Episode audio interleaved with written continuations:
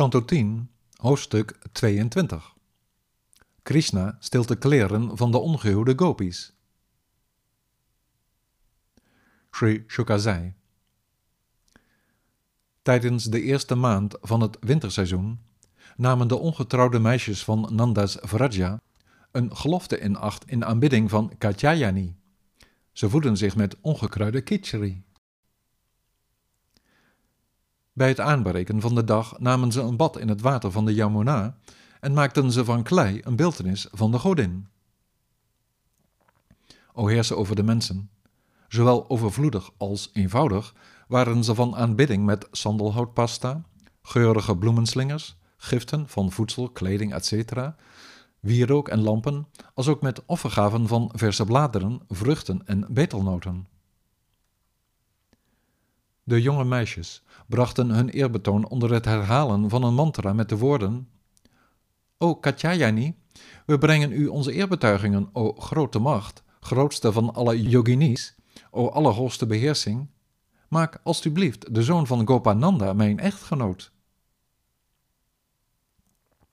Aldus brachten de meisjes voor de duur van een maand hun gelofte in de praktijk om voor Badrakali van gepast eerbetoon te zijn met mogen hij, Nanda's zoon, mijn man worden.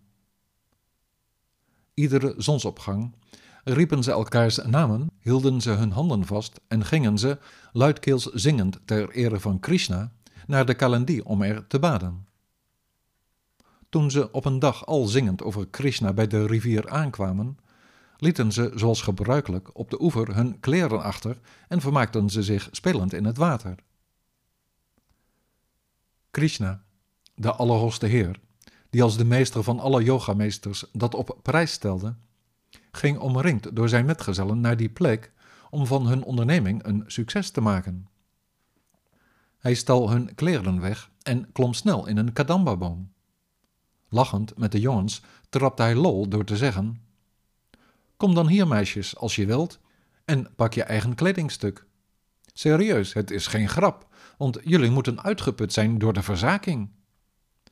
Al deze jongens weten dat ik nog nooit ook maar iets onwaars beweerd heb. Kom daarom, o slanke meisjes, één voor één, of anders gezamenlijk, uit het water om jullie te bedekken. Met die streek van hem zag hij hoe de gopis, vol van liefde voor hem, elkaar aankeken en moesten lachen, maar in verlegenheid gebracht kwamen ze niet uit het water.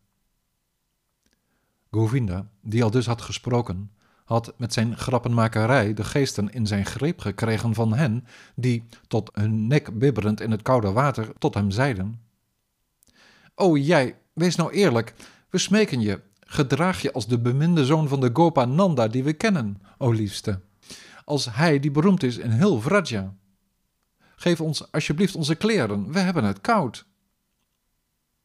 O Shama Sundara, wij als jouw dienstmaagden moeten alles doen wat je ons zegt. Geef ons alsjeblieft onze kleren terug, o kenner van het Dharma, of anders zullen we het de koning zeggen.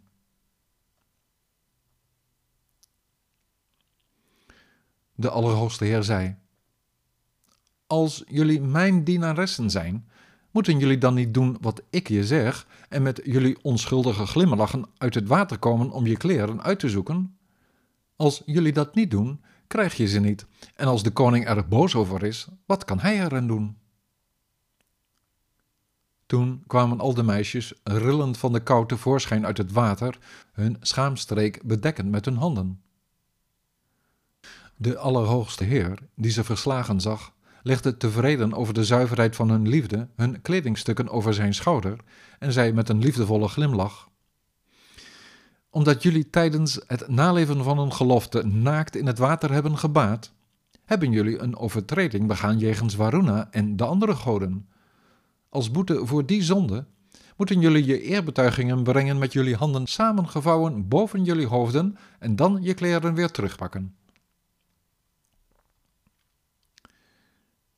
Met dit uitgeduid door de onfeilbare Heer, beschouwden de meisjes van Vraja hun naaktzwemmen als een val van hun gelofte omdat ze van zins waren met succes die gelofte te volbrengen, brachten ze toen hun eerbetuigingen voor de zuiveraar van alle zonden, hij die de direct waarneembare vrucht was van hun handelen en talloze andere vrome daden.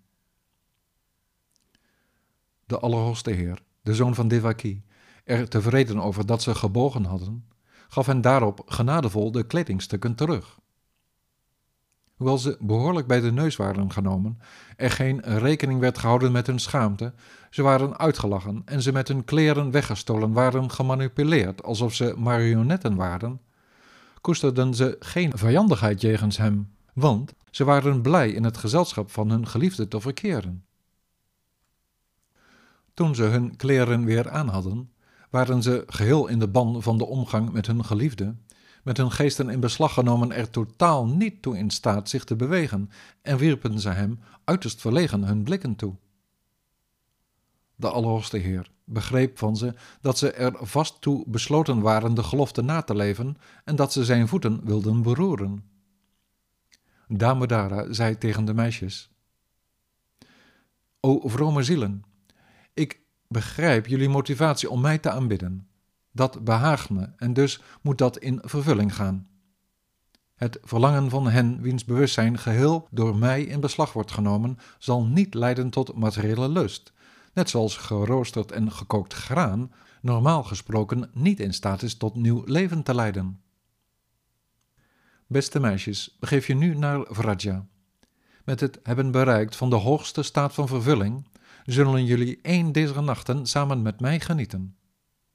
Dat was wat jullie in gedachten hadden met de gelofte om zuiver te zijn in jullie aanbidding van de godin. Sri Shuka zei. Al dus geïnstrueerd door de Allerhoogste Heer, hadden de jonge meisjes die met hun verlangens in vervulling gegaan mediteerden op zijn lotusvoeten, er moeite mee zichzelf ertoe te brengen weer terug te gaan naar het koeherdersdorp. De zoon van Devaki begaf zich enige tijd daarna, omringd door de Gopa's, een eind buiten Vrindavana om de koeien te hoeden samen met zijn broer.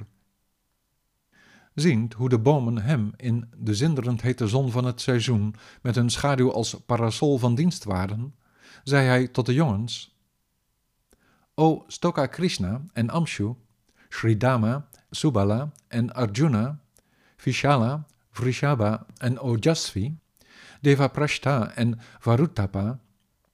Zie toch eens deze fortuinlijke bomen die ons beschermen tegen de regen, de wind, de hitte en de sneeuw.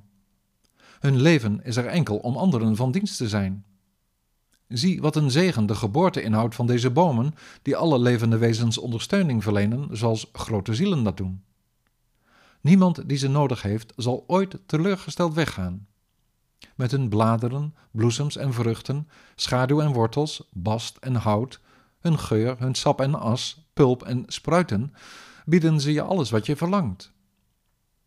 Om met je leven, je welvaart, intelligentie en woorden je steeds in te zetten voor het welzijn van ieder belichaamd wezen, om in deze wereld van een dergelijke geboorte te zijn, is voor ieder levend wezen de vervolmaking van het leven. Al dus sprekend tussen de bomen die vooroverbogen met een overvloed aan bladeren, trossen vruchten, bloesems en twijgen, kwam hij aan bij de Yamuna. Al daar drenkten de gopa's de koeien in het heldere, frisse en koele, heilzame water, o heerser, en dronken ze zichzelf ook vol met het zoetsmakende nat.